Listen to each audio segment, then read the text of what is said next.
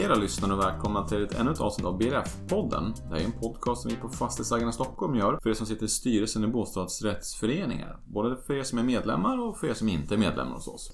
Eh, jag tror också du som bor i en bostadsrättsförening kan nytta av att lyssna på den här podcasten för att lära dig mer om vilka frågor som bostadsrättsföreningens styrelse får jobba och arbeta med. Idag har jag med mig Ove Schram. Välkommen hit Ove. Som vanligt höll jag på att säga. Tack så mycket igen. Du är här för att dela med dig av din kunskap. Um, idag tänkte vi prata om andelstal och förhoppningsvis ska också gå in lite på årsavgiften. Så Ove, vad är andelstal i en bostadsrättsförening? Ja, I dagligt tal så använder vi andelstal egentligen för två olika saker. Och det är lite viktigt att hålla isär det där för det är, det är skillnad. Det ena är andelen av ägandet. Alltså när man blir medlem ursprungligen i en bostadsrättsförening så betalar man en insats. Det är ägarandelen för just min lägenhet. Om man då räknar på det sättet att man delar min insats med alla insatser för föreningen så får man ju ett tal, ett procenttal. Det är min ägarandel. Eh, men det är inte det vi brukar prata om som andelstal utan det vi brukar prata om som andelstal det är ju andelen av årsavgiften, alltså hur mycket jag betalar varje månad för min lägenhet. Just det. Och finns det då olika sätt att beräkna hur man ska fördela årsavgiften på i en förening? Ja, precis. Och då måste man gå till stadgarna. Och i stadgarna står det hur årsavgiften ska fördelas och det kan vara på olika sätt. Ibland så är det insatsen som är grund för årsavgiften, alltså det där procentuella talet som jag pratade om först. Ibland kan det vara yta och det vanligaste är att det står att det är andelstal. Mm. Eh, och då är frågan vad är då andelstalet? Ja, det kan vara egentligen vad som helst. Det är någonting man har kommit på från början när man skapade föreningen kanske. Och som någon har beräknat fram. Eh, kan beräknas på olika sätt. Det finns inget rätt eller fel.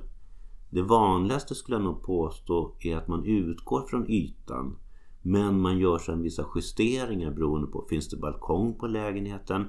Hur många stammar finns det till badrum och toaletter? Eh, så att ofta blir det så att ju större lägenheten är desto mindre betalar man per kvadratmeter. Det behöver inte alls vara så. Ibland kan det till och med vara de gamla hyrorna som har förts över som andelstal. Vilket kan slå väldigt konstigt egentligen för att en lägenhet som då var renoverad kommer alltid att vara dyrare än en lägenhet som inte var renoverad vid upplåtelsen.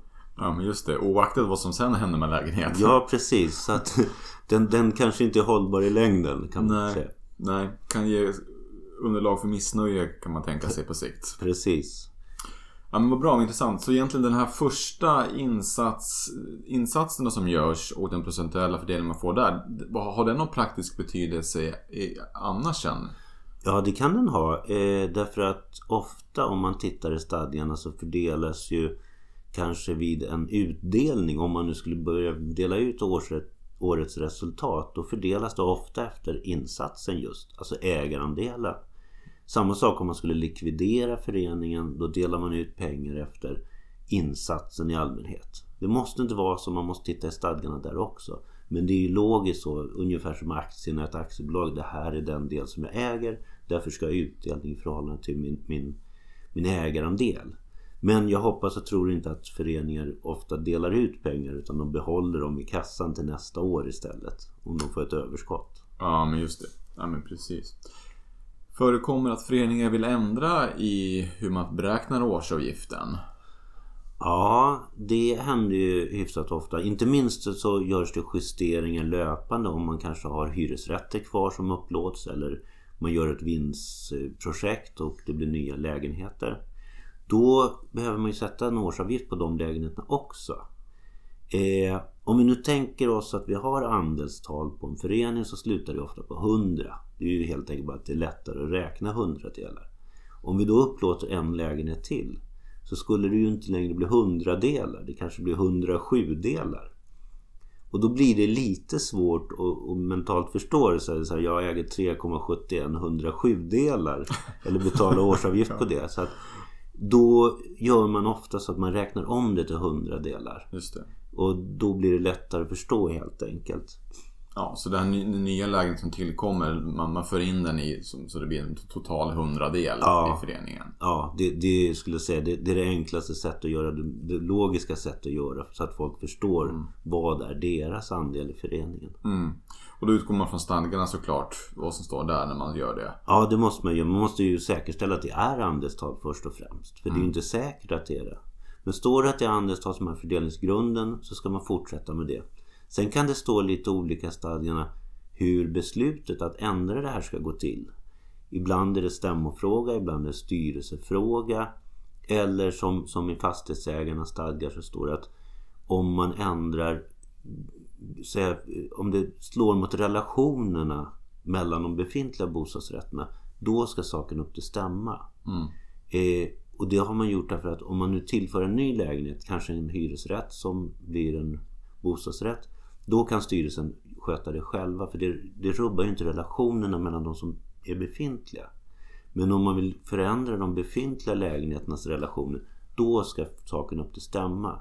Och det skulle jag väl tycka är ett råd att ge i alla fall. Även om det inte står i stadgarna. Tycker att man ska ta upp det på en stämma när man rubbar relationerna. För det innebär ju att någon får högre avgift än någon annan mot vad man har haft tidigare. Ja, men precis. Just det. Ja. Um händer det att föreningar vill ändra på vilket sätt man beräknar det här? Alltså göra ändringar i stadgarna? Och hur går man tillväga då om man vill göra det? Ja, det som är vanligast skulle jag nog säga att om man har insats som fördelningsgrund vill man gå över på att ha andel som fördelningsgrund istället.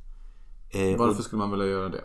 Därför att det är lite knöligt med insats. Då kan man inte justera dem på något sätt. Utan har man en insats ursprungligen så är den stabil alltid den insatsen. Och det händer saker, någon kanske bygger ut eller bygger om eller så. Så vill man justera utan att man har justerat insatserna. Och då är andelstal mycket lättare att hantera. Så därför går man ibland över på andelstal från insats. Och då ska man tänka på att det stämmobeslut när man ändrar stadgarna för att gå över till andelstal. Då ändrar man grunden för årsavgiftsuttaget. Då räcker det inte med två tredjedels majoritet på den andra stämman. Utan man måste ha tre fjärdedels majoritet på den andra stämman. Så jag kan tänka mig att det ibland kan bli lite knivigt att få igenom sådana ändringar. För det kan ju påverka folk att de får en sämre årsavgift till exempel. Eller sämre, alltså en högre årsavgift. högre, precis. sämre. Ja, nej men precis. Så att det är klart man behöver ju förankra ordentligt varför man ska göra justeringarna. Men det kan ju finnas alla anledning att göra justeringar om, om de inte känns rättvisa helt enkelt. Men det är klart, några får ju högre och då behöver man kunna motivera varför det här skulle vara ett mer rättvist system än det tidigare. Då känner du, är det någonting mer du vill ta upp runt det här? Nej, jag känner mig nöjd. Ja men vad roligt, då känner jag mig också nöjd. Tack så mycket för att du tog dig tid att komma hit Ove. Tack för att jag fick komma. Ja bra, tack tack. Hej! Hej.